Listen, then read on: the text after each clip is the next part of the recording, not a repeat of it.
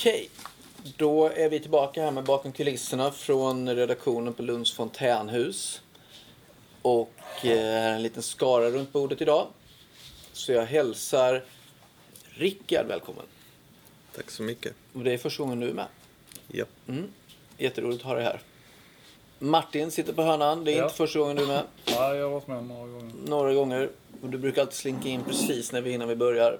Ja, Ja, härligt. Du är välkommen. tack. Ingrid, du börjar bli veteran nu.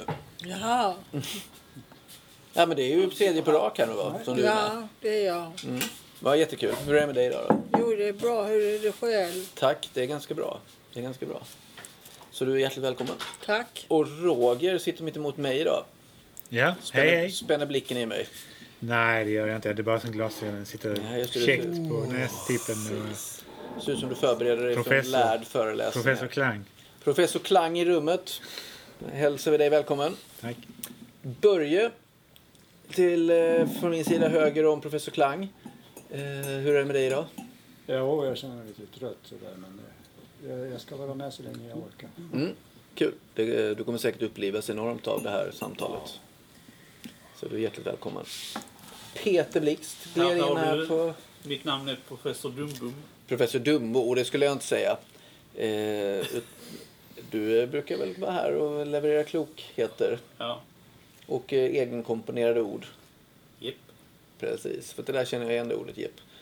Men, eh, men du är hjärtligt välkommen. Och på min högra sida, Det är Olof. Olof, Olof Kjellén, professor vid Taktiska högskolan. Professor vid Taktiska högskolan. Absolut. Välkommen, professorn. Och Taktiska högskolan, det är ju lite så att vi, vi lever ju i en fruktansvärd tid just nu här med kriget mot Ukraina när Ryssland har invaderat. När vi pratade lite i, eh, i måndags så pratade vi lite om försvar. Eh, och, men vi tänkte ju också kanske att Eh, ja, klart vidröra vad som händer i Ukraina men också kanske försvar ur allehanda perspektiv. Att, vad innebär det att försvara sig? Vad, vad får man försvara? Och, eh, kan det vara så att våld är okej ibland? Jag vet att du Roger, du har ju förberett dig här lite. Du, du är ju vår professor Klangs strateg också. Ja, för det du är var inledningsanförande då. Ja, precis. Ja, men så att du sitter med någon papper här va? Ja, ja, jag kan ju ta upp eh, den i två delar. Jag kan börja med en del. Läsa upp det, så det är inte så mycket. Det Nej, tar- för du är fokuserad på det här med kriget i Ukraina eller? Ja, jag är insatt i det rätt så hyfsat i alla fall. Mm. Eh, Det verkar som om Jens är mer insatt. eh, Jag ska vara tyst då, han är inte här. Mm. Men eh, han är verkar mer insatt just nu eh, på vissa saker. Mm. Men jag såg i alla fall en bild på en, en stridsfordons... Eller en eh, lastbilskolonn. Mm. Eh, som eh, de sa var... Först sa de att den var tre mil lång. Sen var det, sen var det 6,4 mil lång. Mm. Eller något sånt. Och... Eh, ja. Eh, då, då hade jag en nyansering på, på den bilden då. Många har sett den bilden. Mm. inte. Ja, den här kolonnen som Ja. står eh, stilla utanför precis. Kiev någonstans. Och då har jag alltså en nyansering som säger så här att eh, en 32 kilometer stridsvagnskolonn innehåller 600 till 1000 stridsvagnar med mellan 30 till 50 meters avstånd mellan fordonen. En T80 är 7 meter lång. Tusen stridsfordon låter som en rund och rimlig siffra. Det är mycket, men det är inte så illa som de flesta tror. Folk tänker sig många tusen stridsfordon i en 32 kilometer lång fordonskolonn. Så är alltså inte fallet. Ration stridsfordon och underhållsfordon ligger normalt runt 50-50. Totalt var den ryska kolonnen på väg in i Ukraina mot Kiev 64 kilometer lång. Alla typer av fordon inräknade. Det är 245 kilometer landvägen från Kiev till närmsta vitryska stad. Och i den här bilden då så det, man kan säga så här, det finns inte en chans, och det har, det har andra skrivit också, jag skrev det innan de skrev det. Inte en chans att dessa fordon på den kända satellitbilden över en kort sträcka av vägen från Vitryssland till Kiev, som kablats ut i medier, är i rörelse över några få kilometer i timmen. Det kan vara maskirovka, alltså eh, ett sätt att vilseleda. Eh, Eller så är det en rast för att äta, pissa och skita. Eller så har det blivit fordonsstopp och eller trafikstockning längre fram. Dock syns denna i så fall inte på den bilden. Dessutom så finns det inga stridsvagnar i kolonnen, vad jag kunde se i alla fall. Den består på den kända bilden troligtvis av underhållsfordon, ammunitionsfordon och eller av personaltransportfordon. Det är den första inledningen jag hade. Ja, men precis, en liten analys av den här eh, bilden och den oro som finns såklart eh, kring det här. Alltså det är väl för att alltså, man kan inte åka in i städerna för att då kan man ju bli angripen av någon som bor där. Och alltså det är ju understöd de som strider men de kanske inte är i behov av de här förnödenheterna än. Därför väntar man. Det är ju så att i statskrigföring så är ju förlustsiffrorna mycket högre. Ja. Alltså det, det är ingenting man gärna gör. Då är det ju bättre att till exempel strypa underhållet i staden och eh, eh, avvakta, som de gjorde i Leningrad under andra världskriget. De svälte ut befolkningen helt enkelt. De höll ju på att dö allihopa. Mm. Eh, det var ju fruktansvärt, men jag menar, Putin är ju en ny Hitler kan man säga. Mm. Eh, det får man ju nästan göra en jämförelse mellan honom och Hitler. Mm. Med tanke på hur han har agerat och hur han tänker. Och hur Ryssland... eh, Det är väldigt kan- oroväckande jämförelse får man ju säga. Ja, för det, det är ju så att det är tydligt att det började med, eh, vad heter det, den här, eh, eh, inte Ukraina utan det var i Georgien. Eh, det, det började med krig där. Sen var, det- tog de Krim och Donetsk och Donbass. De, de hade sådana proxykrig i Donbass och Donetsk. Och, och nu så går de in i resten av Ukraina. Det står ju helt klart att de har ju sådana ambitioner att de, de, har, de kommer inte att sluta där. De kommer att fortsätta till Estland, Lettland och Litauen och kanske ännu mer Sverige, Finland och så. Det vet vi ju inte. Nej. jag tänker vi behöver inte ha någon sån här, eh, vad heter det? Ännu så länge så finns det ingen anledning att tro att, eh, att, att, att han har större ambitioner än, än vad vi kände till för tio Nej, år sedan. fast jag något tänker nog att, att oavsett så finns det nog en poäng i det Roger säger. Att, att, att, och det är ju om man tittar på historien utifrån att alltså när diktatorer och despoter agerar så att nej, det, det tar nog inte stopp där. Och det är väl det som är en av anledningarna till varför väst Ja. Väljer att agera så hårt. Ja, man gör. ju- Jag, jag, vänta lite Roger bara. Det är, så här, jag tänker att Ja, det är det- svårt här att diskutera. Så vi är ju inte, du är ju vår största strateg här eh, kring bitarna. Men jag tänker om vi fokuserar på försvarare. Och, vad tänker du Börje? Jag, jag ser det ju här som en belägringsstrategi. Och de kommer att stå där och de som egentligen är aktiva för att eh, skapa någon slags krig inom Ryssland, de kommer inte därifrån utan de kommer att avvakta tills den dagen de anser att Kiev ger upp. Då kommer de att dra in med all sin utrustning för att kunna klara en belägring på en ganska lång tid utifrån att det är så många fordon. Mm. Så de kommer att ligga där. Så kan det säkert vara. Eh, tänker jag. Men, men, men vi, vi, man kan ju gå vidare från kriget. Men man kanske bara kollar. Vad känner du Ingrid? Är du orolig över, över det som händer i Ukraina? Alltså tänker, är det någonting som upptar din tid? Det upptar inte så mycket av min tid men det är klart jag lyssnar på radio om det. Ja. Mm. Och jag tycker synd om de Ukraina och, och faktiskt ryssarna också Mm. så som är drabbade av detta. Å ena sidan de i Ukraina drabbade av krig och de flyr i fältet ifrån hals med livet i risk för liv och hälsa. Mm. Och de ryssarna, de ville nog inte ha kriget ju. Så nu får de drabbade av sanktioner och eh, mycket annat ju Mm. som de inte vill ha. Mm. Så är det ju. Det är ju fint. eh, Ryss, ryssarna är ju, jag tänker de ryska soldaterna och alla som bara dras ut i det här. Eh, Och ryska befolkningen. Det är ju klart att det blir fruktansvärt. För det kommer ju slå hårt. På alla sätt här.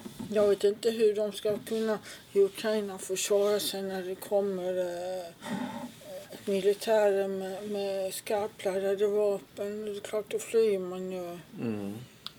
Jag tror det är staten som ska försvara och skydda sin befolkning. Det är det ju, men det har ju visat sig här i det här fallet att väldigt mycket av, av civilbefolkningen också har engagerat sig. Det, Ja. ja, men, frivilligsoldater utifrån som tar sig dit. Så har det väl i och för sig alltid varit i krig liksom, sen någonstans. Men det är även Eh, så- kvinnor. Precis. Men jag tänker Rick- Rickard, eh, eh, förs- är det liksom, för att en sak som har slagit mig lite i det här också. Det är att alltså den här, det sättet man talar. Alltså även från Ukraina. Det är liksom plötsligt, det är så intressant så här, nationalstaten liksom. Man pratar vi ska försvara vårt land tills vi dör. Liksom. Eh, Ukraina är unikt, Ukraina är detta. Det är ju ganska förståeligt såklart att man känner så. När, när saker drar igång. Men jag menar, hur tänker du på det? Försvar, är det allt? Ah, nu, nu blev det en lurig fråga kring det. här, Men, ja, men vad, vad är dina tankar kring, kring försvar av ett land? Liksom så här, hur man...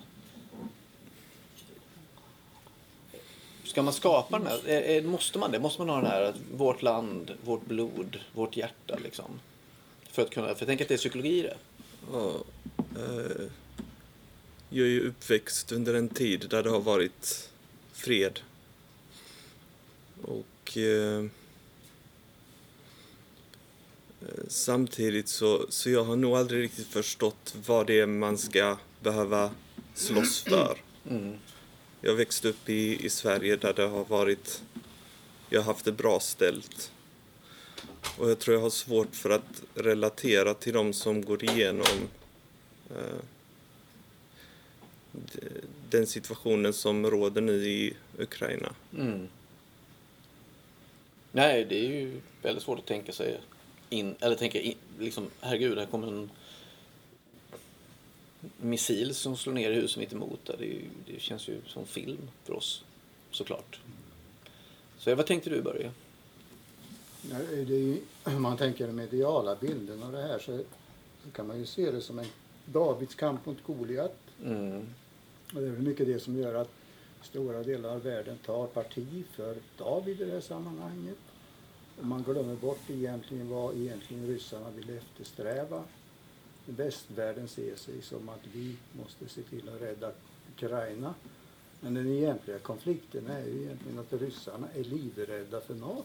Mm. Det är en del av det, ja precis. En av de, antagligen en av de mer viktigare. Mm. Men... Men, ja. Ja, du får vara Olof? först. Nej, jag tänker att. Olof kanske Jag får komma in lite där.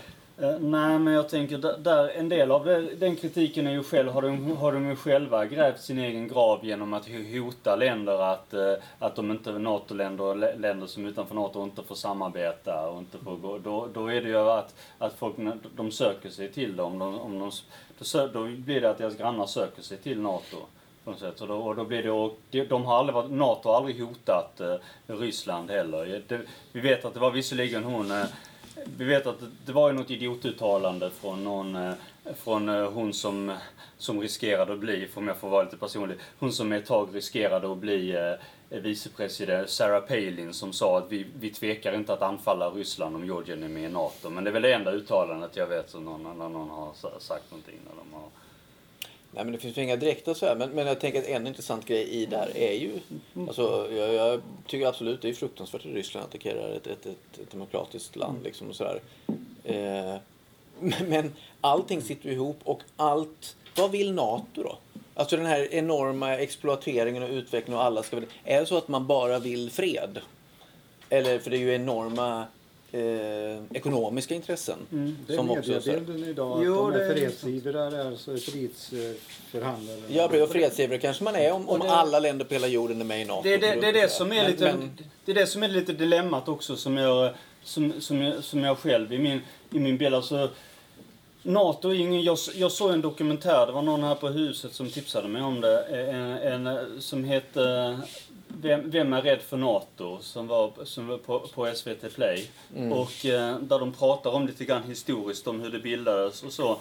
Eh, och att alltså om man jämför NATO med EU så till exempel så är, så är NATO ingen, eh, ingen ideologisk allians utan det är en, det är en försvarspakt där man, där, man, där man värnar om sina egna medlemmars intressen. Det finns ju det finns ett litet dilemma i det också, ett, ett ideologiskt dilemma när, när det är om det är länder som till exempel Turkiet som är med där och och det har alltid varit en, en stor, en besvärlig fråga just det här att Sverige, om, om Sverige skulle gå med i NATO, det hade möjligtvis gett oss lite, lite, kanske lite bättre skydd i dagsläget om vi tidigare hade varit med under de situationerna som vi är nu, även om det just nu är osäkert om vi skulle gå med, om det skulle öka Rysslands aggressioner. Men, men även under, så att säga, där, om, om vi nu skulle, skulle gå med, så blir det att då, då måste vi ju på något sätt ställa, då, då, kan vi ju all, då måste vi ju ställa oss bakom till exempel om USA gör en, en attack som kanske inte är berättigad rent eh, folkrättssynpunkt och FN-synpunkt. Så måste vi ju på något sätt svansa efter väldigt tydligt. Liksom. Mm.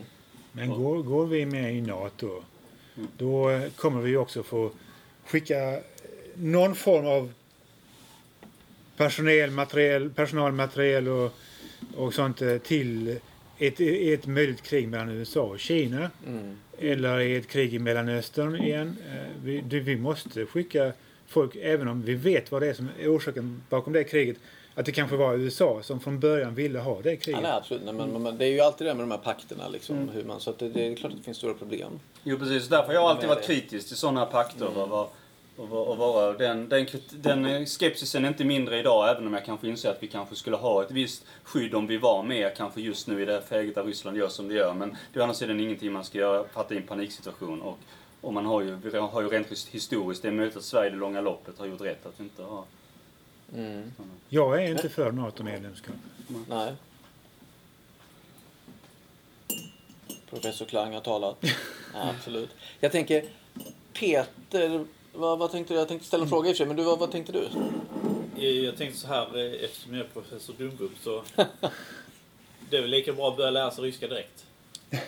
Men ser du, om det inte är skämt åsido här nu då, är, är, Ja. känner du så att det kommer bli en, en eh, Alltså, Eh, jag känner attacker. att det känns som en ökad risk för Sverige också. mm, För att nu, nu när till exempel den här, jag vet inte vad det var för minister som sa, sa i, i, i media, en, en rysk minister, som sa att, jag kan inte vänta, Nej, det är lugnt. Vi är välkomna Jens här också. Så, jag tänkte. Så, ja, ja, absolut. Mm. Ja, det var ju en rysk minister som sa att eh, om man ska ta Sverige så är det Gotland som är viktigast att börja ta. Eller baltiska staterna. För att Ja. kunna ta de baltiska. Mm. Ja, så var det det? Mm. Jaha. Faktum är att de baltiska staterna är med i NATO, för då de gick med jättesnabbt. Plus att det finns ingenting i de baltiska staterna och Östersjön är inte så strategiskt längre. Men, eh, för att säga det här, alltså om Sverige... För det första blir inte Sverige attackerat först, för det kommer att bli Finland. Och om Finland eller Sverige blir attackerat av Ryssland så kommer NATO gå in. Så att som jävla högerspöken håller på att hetsa för att vi ska gå med i NATO snabbt som fan, de kommer hjälpa oss ändå. Och vi är liksom, vi, är, vi har varit med i NATO sedan 50-talet, fast inte officiellt, men vi har ju spionerat deras räkning och så här. DC-3 som alla kved om som var eh, då oskyldig, den var inte alls det oskyldig. Den spion, spionerade på Ryssland åt NATO och det var fullständigt rätt att skjuta ner den om den kom in över ryskt luftrum. Men ja. Men, Men det är ju massa politiska spel och vi, vi kan ju dividera. Jag tänker att kanske, men jag tänker att fokusen på försvar, liksom, det intressanta är att en försvarspakt är beroende av att kunna attackera. Ju. Alltså sådär. Så det sitter ju alltid ihop försvar och attack hur man än ser på det. Vad, till, vad tänkte du Du skulle ställa en fråga till mig. Nej men jag tänkte mer så här konkret, liksom väldigt, eller mer, mindre och mindre strategiskt det här med Ukraina att utifrån tanken på försvar liksom. Är det okej att, eh, jag menar, vi har pratat om det i måndags ju att man får ju lära sig, oftast i alla fall med liten, att våld är aldrig okej och det här och så. Eh, Men, men är det okej med våld? Ibland. På det personliga planet eller? Nej, jag ställer frågan till Peter nu. Ja, ja. du får komma in sen. Ja. Som försvar så är det väl mer okej med våld. För, men, men var går gränsen för, jag menar, Ja, för, det är svårt att... anfall det är bästa svårt. försvar? proportion, Ja. Anfall är bästa försvar, men det, då hamnar man liksom utanför. Då har man aggress, ag, aggression, då har, gör man en aggressiv. Eh, och, och jag tänker nu, som nu i Ukraina. Eh, jag tänker på när Kuwait blev invaderat. Då var ju USA där direkt Mm. och slog tillbaka, eller inte direkt men så, så snart de kunde. Men detta är tydligen en annan situation. USA Ryssland är en farligare makt. Så de vågar inte direkt. eh, Nej, det kan de Och det, det finns väl olika intressen här. Liksom. Där fanns ju rent ekonomiskt oljeintresset som, som de skulle värna om. Jag tänkte det först, men sen tänkte jag bort det faktiskt. Jag tänker det handlar, handlar nog mer om eh, att Ryssland, de har, de har både kärnvapen och de är mycket större militärmakt. Ja, det var det första jag tänkte också. Att det framför, jag tänkte också på det att dels de ekonomiska men också det här med att de är kärnvapen. Man, Man riskerar ju någonting. ja. och dessutom är USAs opinion ganska trötta på krig vid det här laget. För det har varit så många misslyckade operationer. Så. Men Ryssland hävdar ju att Ukraina hotar Ryssland och att de har en regim som förtrycker sin befolkning och det kanske de har. Men de har ju... Men Grejen är... eh, Ja, jag tycker att det är lite, det, det är lite väl mycket liksom bara invadera hela landet bara för det. Ja, det- Ja, det var väl ganska snällt sagt att det, det är lite ja. väl, ja. Det får man nog säga, Martin. Eh, Men på tal om anfall är bästa försvar, men det kanske också är en, en, en desinformation kring det där, för den Ja. planen har nog funnits ganska länge kanske, Ja. egentligen. Vad, vad tänkte du, Roger? Ja, om vi ska gå in på det här med kärnvapen. Mm. Du var inne lite grann på det. Ja. Då tänkte jag att jag skulle läsa upp det här lite text här igen. För att en nukleär terrorbalans ska fungera krävs en rationell ledare på varje sida av taggtråden. Det är tänkt att det ska fungera så här. Om jag trycker på knappen eller eskalerar till ett kärnvapenkrig kommer den andra sidan att svara med kärnvapen. Problemet är att det finns ledare, och det är Putin då, i länder med kärnvapenarsenaler som tänker så här. Om jag smygattackerar land B med kärnvapen, ett land som inte har kärnvapenkapacitet, kommer land A som har kärnvapen inte att svara med kärnvapen mot oss eftersom risken för att vi svarar med kärnvapen mot land A i så fall är för stor. Mm. Nej, nej, det bygger, det bygger ju hela den balansen på. Men den kan ju upphävas. Ja, alltså det, det, det är ju det, det, det som jag sa alltså det sista, sista citatet, eller vad man ska säga, inget citat, jag har själv skrivit det. Men om han att- attackerar land B med kärnvapen, Putin, och det är Ukraina då. Då kommer inte land A, USA, som har kärnvapen, att svara med kärnvapen mot Ryssland. Eftersom risken är för stor, att, för stor att de svarar med kärnvapen mot USA i så fall. Så är det ju precis. Och att, men tanken är väl inte att, att jag, när de pratar om det här kärnvapen, ja, nu blir det ju bara strategi kring Ukraina här liksom. Jag tänker att, att de skulle attackera Ukraina med kärnvapen, det är ju inte hotbilden väl. Hotbilden är väl att om ni blandar er i här så, så kommer vi attackera er med kärnvapen. Ja, men i praktiken kommer det nog bli Ukraina som Sådär. Jens Karlsson, vad har vi sagt om att sitta borta vid... eh, och det, ja, du får en kommentar och så får Börje hålla sin, eh, sin tanke här. Ja. Jo men det är ju ett underförstått hot mot väst liksom. Men de skulle ju kunna göra det för att till exempel knäcka försvarsviljan och fucking nuka Odessa eller något sånt. Alltså, Mm. Ja, ja, visst. men eh, där ska man väl inte tro att den andra sidan inte kommer att svara för de kan ju svara ändå.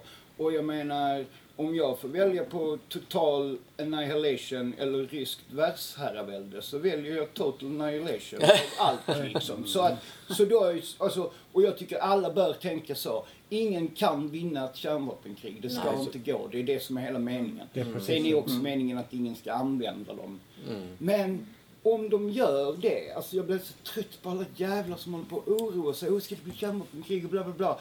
Alltså vad fan, det har varit kärnvapenkrig hot så länge jag kommer ihåg, sen jag var barn, mer eller mindre liksom. Och jag menar, ja vadå? Om det händer kan vi inte göra ett piss åt det ändå, så varför ska vi springa runt och oroa oss? Så och jag det, men menar, det kanske- personligen är jag rätt klar med mitt liv, så Ja. att jag skiter i det. Men det kanske inte, du kanske är det, men det kanske inte alla är. Och det kan väl finnas en Nej, det oro man har barn. Man tänker att det finns något väldigt obehagligt med tanken på, på det. Vad tänkte du Börje?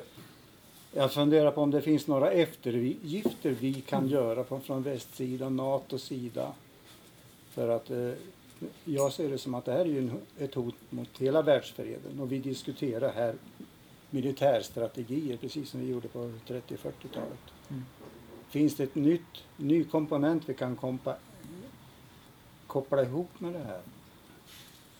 Vad kan vi ge Putin för att han inte ska hota världsfreden? Ja, men då är ju också frågan, ska man ge? Nej. Ja, Ska man ge? Utifrån att konflikten är konkret som jag ser den, är alltså NATO Mm. mot vad han önskar vara Warszawapakten.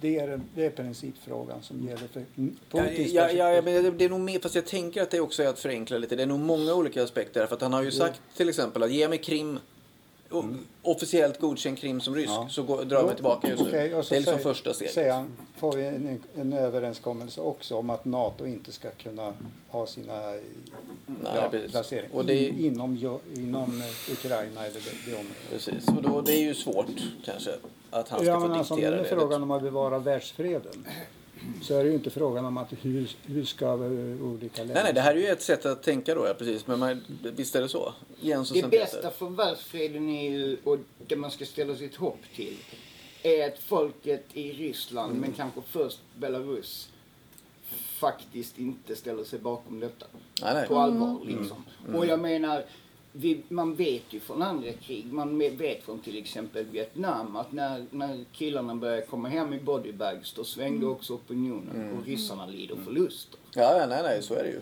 Ja, Absolut. Börja. bara på det? Just det här beträffande vad Putin skulle hamna om det lyckas bli en fred. Skulle han nöja sig med det? Hur skulle ryska folket reagera om Putin säger, uttrycker en slags lycka av att han har fått Krim och fått någon milit, militär zon i typ Krim? Mm. Hur länge ska de nöja sig med det, ryssarna? De kommer att kick, då kommer ryssarna själva att kicka bort Putin. Och det är enda sättet att få bort honom. Ja, Så är det ju. Säkerligen. Vi har Peter, Olof och Ingrid. Ja, men eh, det är klart att man kan ge saker till Putin. Men det gäller ju att vara väldigt noga med vad man gör. Man kan till exempel ge honom att USA inte placerar eh, hotande militär kanske på strategiska platser. Ja, som, alltså NATO du pratar om. Ja, NATO i princip. Det kan man ju ge honom om han, eh, om han är en snäll liten gubbe. Ja men om man vill ha din mamma, ska du ge henne då eller? Nej. Nej.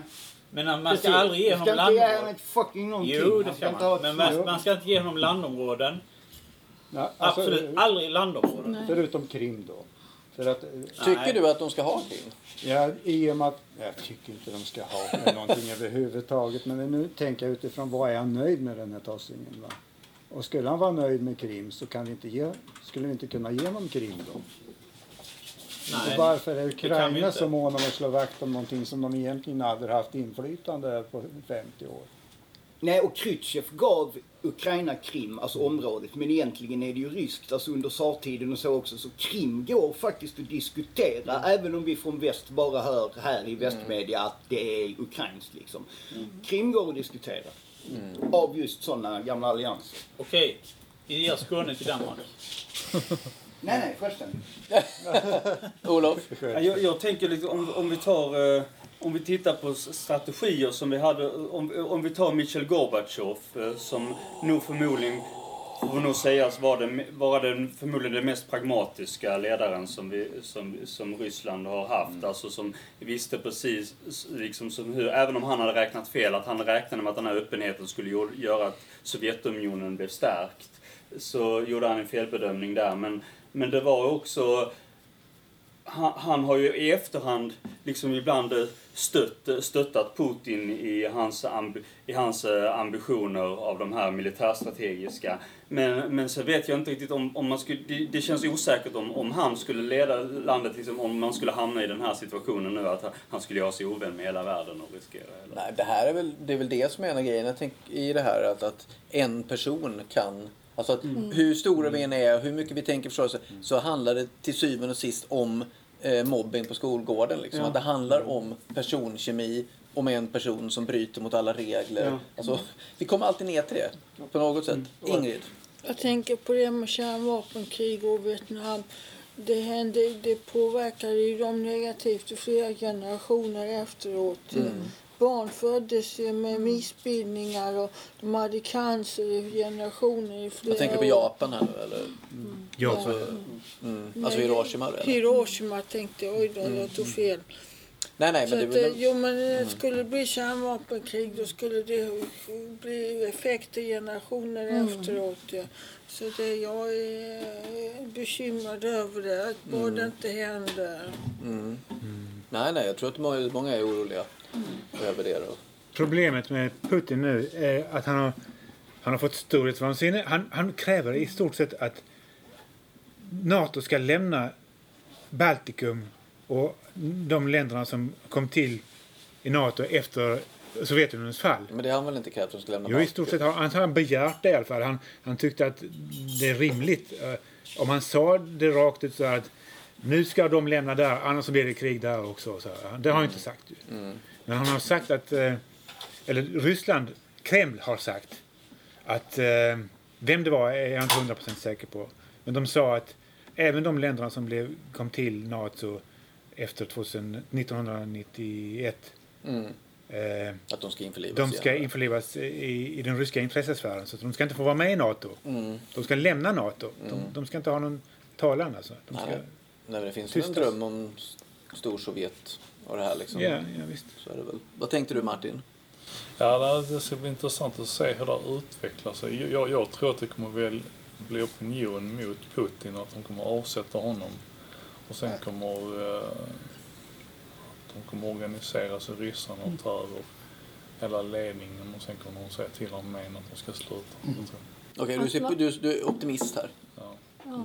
Vad tänker du Ann-Sofie? Jo, så hoppas jag också. Mm. Jag hoppas att de själva ska göra sig av med honom. Mm. Men sen gäller det ju vad som kommer efter, att det blir bättre då. Annars.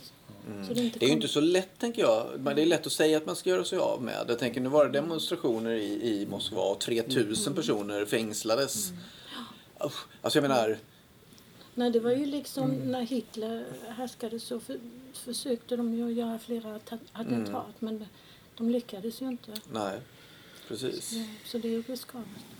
Nej, Jag, jag, jag hoppas ni förstår min tankegång. Det där att ge Putin någonting så att han blir nöjd för tillfället och att ryssarna kommer få äta En check på. McDonalds, en check på McDonalds och paketerade som att han har vunnit jättemycket. Ja, nej, Okej, men om man nöjer sig med det och sen lyckas övertyga det ryska folket om att han har segrat i det här kriget. Då kommer ryssarna själv, det ryska folket, att fatta vem Putin, egentligen är och de kommer göra allt för att bli av med honom. Och det är alltså ryssarna själva som, ska, som kommer att se till att det blir gjort. Inga andra kommer att göra det. Problemet är ju att det är så repressivt systemet i Ryssland. De har ju liksom ing, det, det finns frihet för vissa. De som tänker som Putin har mycket frihet. Jättemycket frihet. De startar krig och sådana saker. Men de som tänker inte som Putin, de har ingen frihet alls. Nej, jag tänker också att, att det är ju svårt. Jag menar, det här är ju bara hypoteser från Lunds fontänhus runt runda bordet eller ovala bordet. Sådär, liksom. Så, det, det är ju så. Det är så. Men, men, men jag tänker också någonting måste du ju göra med att folk som har varit under ett i stort sett diktatorskap under så lång tid av sin historia. Där man inte har rest sig. Liksom. Eh, utifrån ett repressivt system. Så jag tänker att den, den, vi kan ju hoppas på det. Jag, jag Men jag tänker att det, det kan inte vara så lätt. Nej. Liksom. Nej. Kan Ann-Sofie få komma in och hålla för lite bara? Ja, alltså jag hörde ju ett par kvinnor som, som, kände, som kände sig trygga så länge Putin är vid makten. Så länge han är vid makten så, så kommer allt att vara eh, bra. Ja, så det det är säkert många av det ryska folket som har den uppfattningen. Mm. Alltså man är uppfostrad i, auktoritärt system så, Mm. så tycker man det är bra. Mm. Och det är väl bra så länge man håller sig på mattan. Precis. Ja. Ja, men så funkar det väl. Att man, om man lär sig att förhålla sig till auktoriteter på Ja. det sättet att man inte sätter sig upp Mm. så, så kan man leva så. Mm. Ja, Jag kan ju, säga, jag kan ju dra, alltså, jag, jag uppfattar det som att Per menar någon gång, någonstans går droppen. Alltså, att, säga att, man, att man inte kan leva i hur, i förtryckande förhållande hur, hur länge som helst. Nej, det var inte riktigt det jag menade. Jag menar alltså, tvärtom. Att, att eh, om man nu har levt under så lång tid historiskt sådär, så har inte ryssarna, en, alltså förutom oktoberrevolutionen där liksom, när kommunismen Okej. kommer, jag menar så har man ju inte en historia av att göra uppror för att det är så repressivt som Ja, Roger då, säger. då, så är man- min, då, då är min, då har jag, då är, lämnar jag min... Men man tänker att det finns en droppe Ja. någonstans. Ja, men det, det måste finnas någonstans för alla. Men, men den kanske är svår att se. Men jag, jag är fortfarande nyfiken på ändå den där. Rickard, är det okej med våld ibland? Eh, Jag kan bara tala utifrån mina egna erfarenheter. Eh, Och jag har alltid varit fredlig. Mm. Eh, Men en gång så, så var det en som försökte mobba mig. Det började verbalt. Men jag reagerade inte på det utan bara släppte det och lät det vara. Mm. Och sen en dag så, så ändrades det till att det blev fysiskt istället. Och där, det var sista droppen för mig. Eh, Så jag hamnade i ett slagsmål. Och efter det så lugnade allting ner sig. Mm. Ja, det var ju lite vad vi pratade om att det finns ju något oerhört sorgligt i det. Mm. Eller jag menar, men den här biten att många, det fanns de som här på redaktionen som upplevde det här att man fick lära sig så starkt att våld är aldrig okej så att jag, man slår då fortsätter man bli mobbad medan de som har en erfarenhet av att man på något sätt har klippt till eller fysiskt agerat på något sätt så har det upphört.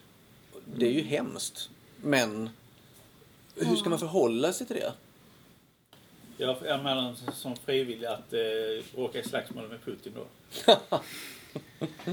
eh, men allvarligt talat alltså, om man säger att man ska slå tillbaka mot Putin och trycka ner honom i skorna med militärmakt i USA då i princip.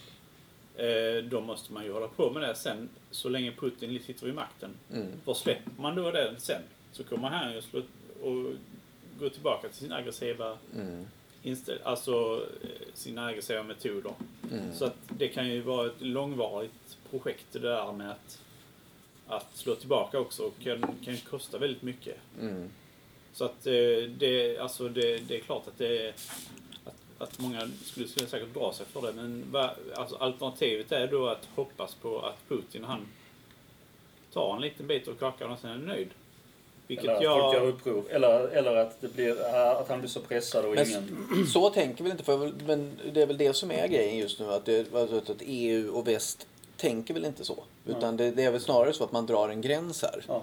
Ja, det gör, det Alltså gör man. för att, för att, Men hur, hur, man, hur är man beredd att agera nej, det vet jag inte. Det, man, det man, man tänker ju att ekonomin är det som ska... Att, för det är ju ett anfallskrig, ett försvarskrig genom ekonomiska sanktioner. Eh, så, och då hoppas man väl att det... Hur- Man hoppas väl på det här att, att, Ryssland, att, att straffa Ryssland så hårt att befolkningen till slut agerar. Hur har det Kanske. funkat på Nordkorea då? De, Ja, men Nordkorea går inte att jämföra riktigt. Det är, Gör inte?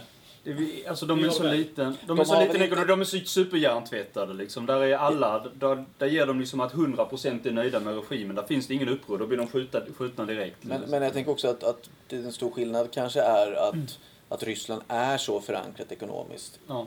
Med väst på olika vis. Så att man ser att det skulle kunna funka. Men det vet vi ju inte än hur det kommer gå. Jag tänker att vi, om vi skulle gå in på lite privat personlig då. Personlig mm. åskådning på försvar och så. Självförsvar och Mm. Så hade jag ju en historia sist eh, när vi hade möte i måndags om poddmöte då. Mm. Om att jag, eh, jag blev ju mobbad av en eh, kille Mm. eh, som hade problem. Eh, Det var egentligen bara han eh, som gjorde det då. Och eh, jag gjorde ingenting. Eh, eller i, i regel gjorde jag ingenting om man säger så. Jag, jag brukar inte säga emot eller någonting sånt där utan jag bara stod där och tog emot. Men så, så var det då av en händelse en... Han var mycket större med den här killen också. Men så var det av en händelse att en annan kille som var större än mig också, han var ännu större. Men han var en klass under mig. Mm. Och eh, han började bråka med mig på skolgården. Han, Han är en ännu större kille. Ja, ännu större kille. Ja. Men jag brottade ner honom i ett ljudgrepp och höll honom där nere. Och tills det kom en eh, lärare och började räkna. så Okej, då ett, två till nio. Liksom. Så, sen så hade han, så hade han gjort mig till segrare då. Liksom. Mm. Det var ett väldigt, väldigt pedagogiskt sätt att ta, hand- om hantera den situationen. Mm. Och sen så, sen så var det inte så mycket mer från den där andra killen då. Eh, bra länge i alla fall. Så lät han mig vara i fred. Mm. Så det var ju... Ja, men det är ju intressant tänker jag i det lilla det här med att man får lära sig att våld inte löser någonting. Ja, Men våra det. erfarenheter säger ju ibland det rakt motsatta. Alltså, d- ni förstår det, vad jag ser som en sorglig ironi i det liksom. Att, eh, för de här historierna känner man ju igen från många liksom. Så jag har ju också en sån historia. Eh,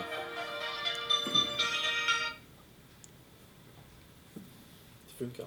slickt att bara vända på telefonen sådär alltså. Visste du inte den funktionen? Nej, Det måste Finns i de flesta smartphones. ja, intressant. Nej men jag har en liknande historia där jag, det liksom blev början till mobbing liksom. Så jag höll på, höll på tills jag slog tillbaks hårt liksom. Och då direkt så upphörde det. Jag hade väl På också en sekund. en, en sån där känsla av att jag var mobbad men så visade det sig att jag var rätt bra på att spela fotboll och att jag sprang ganska snabbt på den tiden. Och bara sådana liksom eh, egenheter som, eh, som andra då tycker oj det där var ju rätt imponerande. Det räcker liksom ibland. Mm. Någon form, form av makt. Ja. Vad tänkte du Ingrid? Ja, så jag tycker inte våld är okej sådär. Och mobbning är ju inte heller okej. Mm. Det är ju elakhet. Jag har själv varit med om mobbning och folk som är riktigt elaka. Bara för jag är så snäll så har de varit så elaka mot mig. Mm. Men jag har kollat upp detta med nödvärnsrätten och självförsvar och man har rätt att försvara sig själv om man blir utsatt för våld. Ja. Och, i, Man har rätt att slå tillbaka. och finns det några gränser för det då? Bra fråga. Mm. Det finns ju det som, jag hänger inte riktigt med i kontexten här, men det finns något som kallas för eh, nödvärnsexcess. Excess Ja, excess. Mhm. Nödvärnsexcess är att man slår tillbaka med mer än vad nöden kräver. än vad nöden kräver. Mm. Men det beror också på situationen. I vissa situationer så får man inte lov att göra nödvärnsexcess. Mm. Till exempel om någon eh, knuffar dig så får du inte ta upp en pistol och skjuta honom. Mm. Det skulle klassas som dråp antagligen. Det låter lite Det är lite... eh, överdrivet ja. Men man kan i vissa situationer kan det vara acceptabelt med nödvärnsexcess. Mm. Till exempel om, eh, om någon skulle dra kniv mot dig och du då skjuter personen. Om, Mm. det, om, om, det, om det kan visas att du var säker på att du skulle dö av den här kniven. Mm. Då kan liksom, överdrivna i att skjuta den andra kan gå utan straff. Mm. Men vi får ju inte ha skjutvapen ju. Nej, men det är ju det som är excessen. Att du använder ett skjutvapen. Ja, men det kan man inte göra om man inte har rätt att ha det. Man har ingen licens, man har ingen pistol, man har ingen revolver. Nej, det komplicerar onekligen. Ja, ja, ju, ja. Men eh, ja. Vad tänkte du Martin? Alltså jag, jag, jag, jag tycker det och jag tror det är så också. Alltså blir man utsatt för våld då har man rätt att först svara upp på samma sätt som man blir utsatt för. Plus lite till. så att man avskräcker den personen att fortsätta. Det är din mina takter. Ja. Fast det är väl där som den här excessfrågan kommer in där, för den är ju svår att dra. Ja, ja, ja, ja, jag tycker det skulle vara så. Men jag, tror, jag vet inte om det är tillåtet. Men Mm. jag tycker det låter rimligt. För att man måste också se till att den personen inte gör samma sak i fortsättningen. Mot någon Mm. annan kanske. Mm. Ann-Sofie, är det okej med våld ibland? Ja, alltså jag har ju alltid betraktat mig som pacifist i alla lägen. Mm. Och, eh, men så hörde jag på Filosofiska rummet i, i fredags. Och då, och då sa de till och med att eh, pacifism kan vara livsfarligt. Mhm. Ja. Ja. Men, men det är klart att man, det är livsfarligt om man tillåter att, eh, att människor eh, våldför sig på, mot en själv utan att försvara sig. Va? Då, Mm. Ehm, Men, men, och det är alltså att man har rätt i alla lägen att försvara sig själv. Det har jag, det har jag praktiserat och räddat livet på mig själv faktiskt. Hur, är det någonting du vill delge lite? Vad- Det låter ju spännande också. Ja, ja, det låter spännande. Men ja, alltså det var när jag var ute och lyfta i Europa. Så, Mm. eh, ja, det var faktiskt i Köpenhamn så, var, så, så, så hade jag inga pengar och sådär. Och så stannade en taxichaufför och så, och så sa han eller så sa jag, jag har inga pengar så jag kan inte åka taxi. Nej men jag kan skjutsa dig ändå, sa han då. Va? Ja. Och det ledde ju till att han skjutsade mig till någon skog och, och, och sen så låtsades att han, han, att han skulle hämta vatten. Ja. Och sen kom han in och försökte strypa mig. Åh fy, det här låter ju helt hemskt. Ja men det var hemskt ju. Mm. Det var hemskt. Men, men jag, jag, tror att jag, jag får sådär enorma krafter när jag, det vet jag inte om jag får nu va. Mm. Men när jag var ung då så fick jag enorma krafter va. Så jag, han var stor och kraftig och jag bet honom och jag lyckades eh, eh, öppna dörren och, och kravla mig ut och, och kläderna eh, åkte av. Ja, men eh, ja, vad skulle jag säga? Ja, vad skulle Ja men jag att du, säga? du Ja. bet honom, du använde Ja, våld på ja. något sätt för att ta dig ur Jag situationen. klarade mot en sån stor uh, bjässe var Usch han. vilken fruktansvärd historia. Ja, alltså, det var för- det.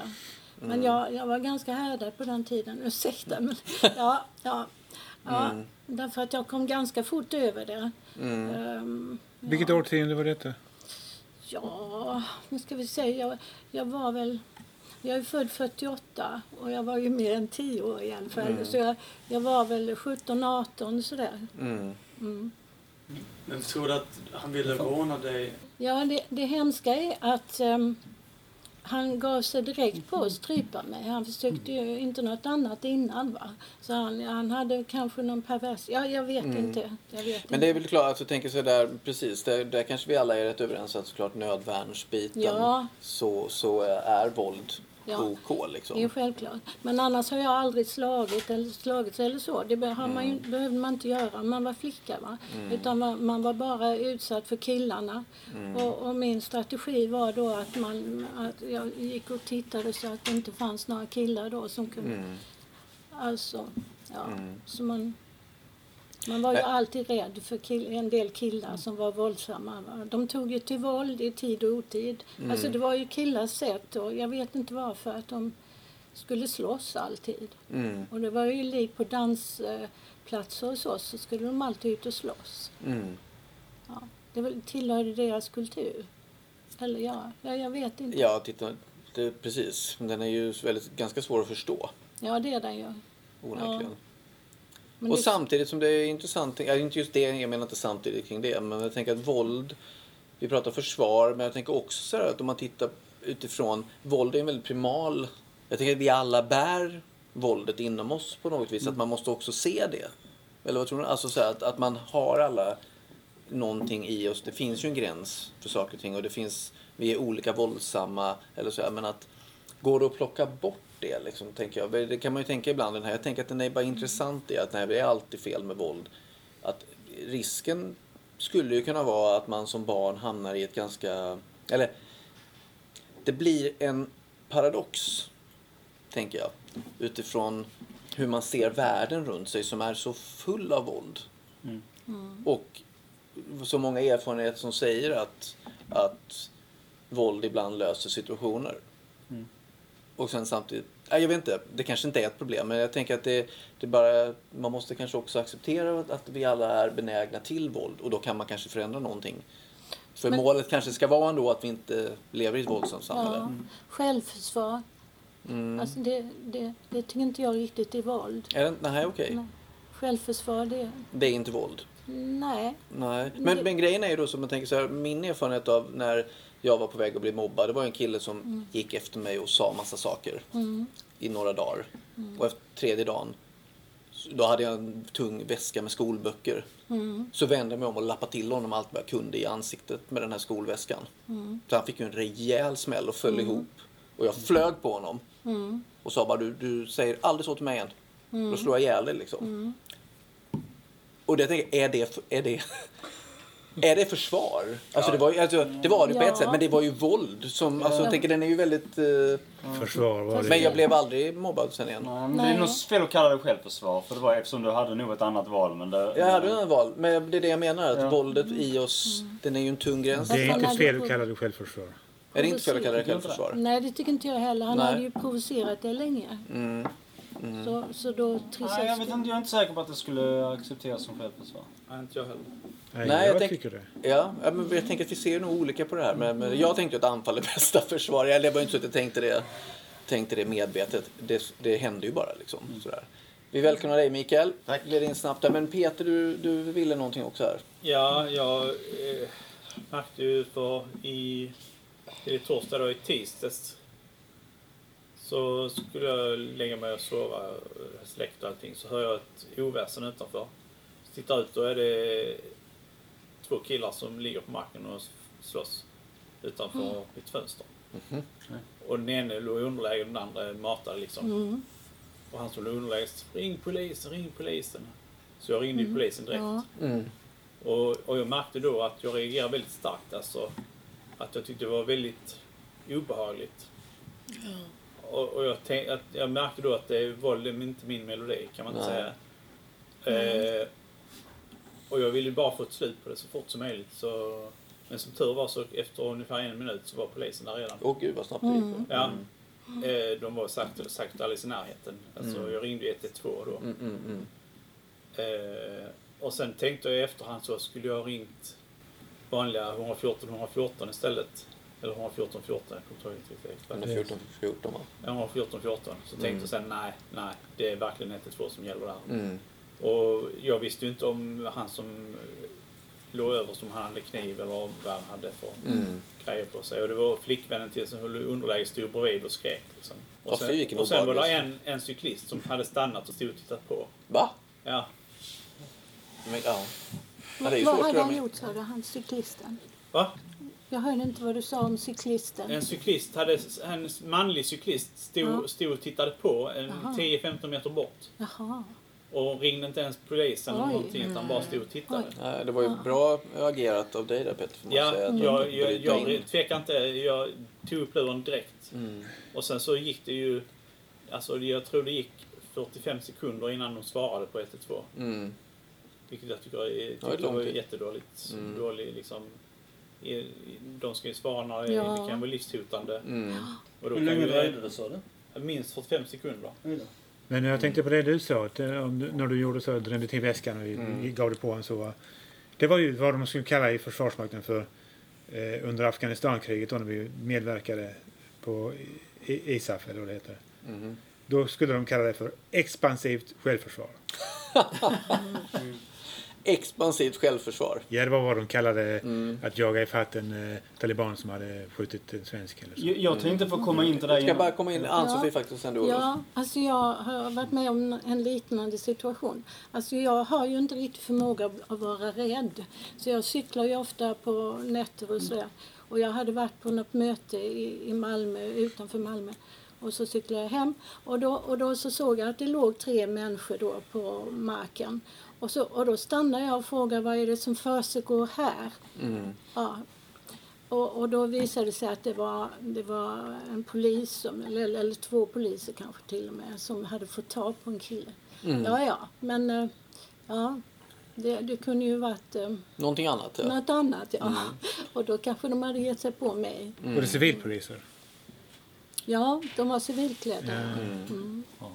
Ja, men det där är ju en svår grej. Vi har pratat civilkurage här. Att det är ju rätt svårt det där med att, att Mm. agera och, och, och kliva in liksom med risk för egen. Och jag menar det är på ett sätt, detta vidare, hela Ukraina-krisen på något sätt vidrör ju alla de här bitarna.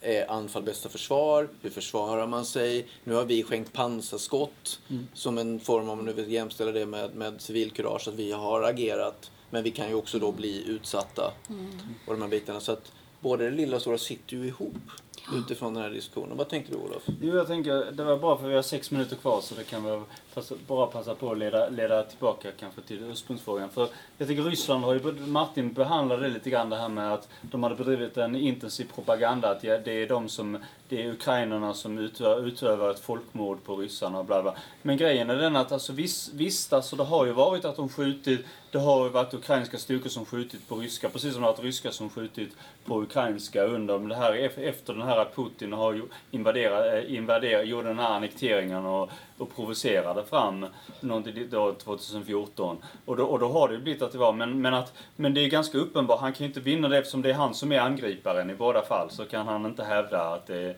det Liksom, och, och vissa tycker om att jämföra med USA. Ja men USA attackerade Irak och bla bla bla bla. Ja men alltså de hade ju inte det, var- det var ju inte riktigt, då hade ju Saddam Hussein angripit Kuwait och en massa sådana saker innan. Så det fanns ju olika historier bakom. För, liksom, för, det är det här med att eh, USA angrep Irak, eller, eller för- förlåt, jag menar att de, de försvarade Kuwait mot Irak. Så Ja, det, hade, de, de har ju den här släppta eh, informationen då från IT, vad heter han den här? Eh, i, Snowden. Snowden, Edward Snowdens eh, läckta dokument avslöjade ju att eh, det, det var en kvinnlig, tror jag, eh, eh, eh, statstjänsteman som hade, eller tjänstekvinna, som hade eh, förlett Saddam Hussein till att gå in i Kuwait.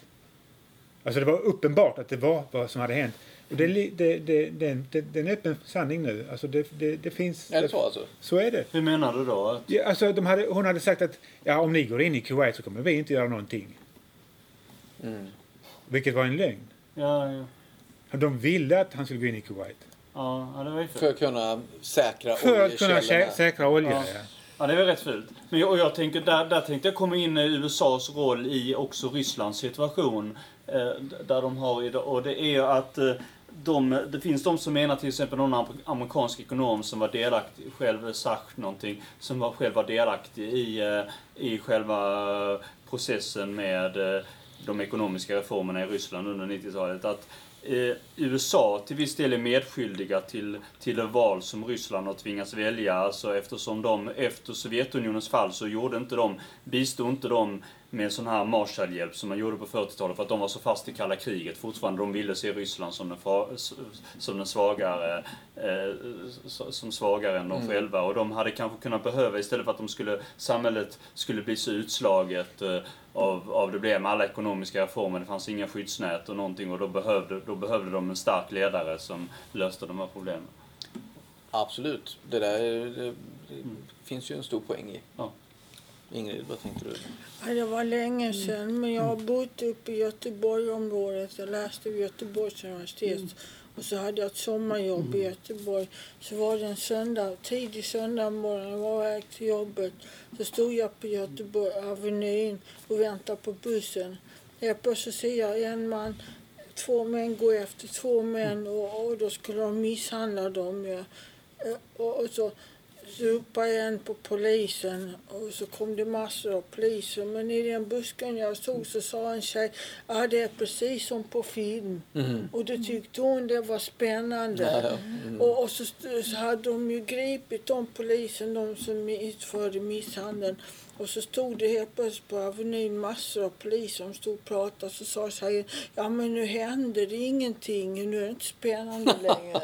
Nej, men det där ligger väl i oss någonstans. Alltså hur lite... kan man se skillnad mellan Mm. verklighet och film? Nej, Vad är skrämmande? Det är skrämmande när ska misshandla, men det var ju också skrämmande att höra att det oh, vad spännande. Mm. Ja. Precis, det där är ju, vill vi, jag menar, det är ju intressant med media nu också med uppdateringar kring kriget. Jag är absolut en sån, jag sitter och kollar. Mm. Alltså, vi har ju fostrats in i att vi ska bli, un, det är ju en underhållning.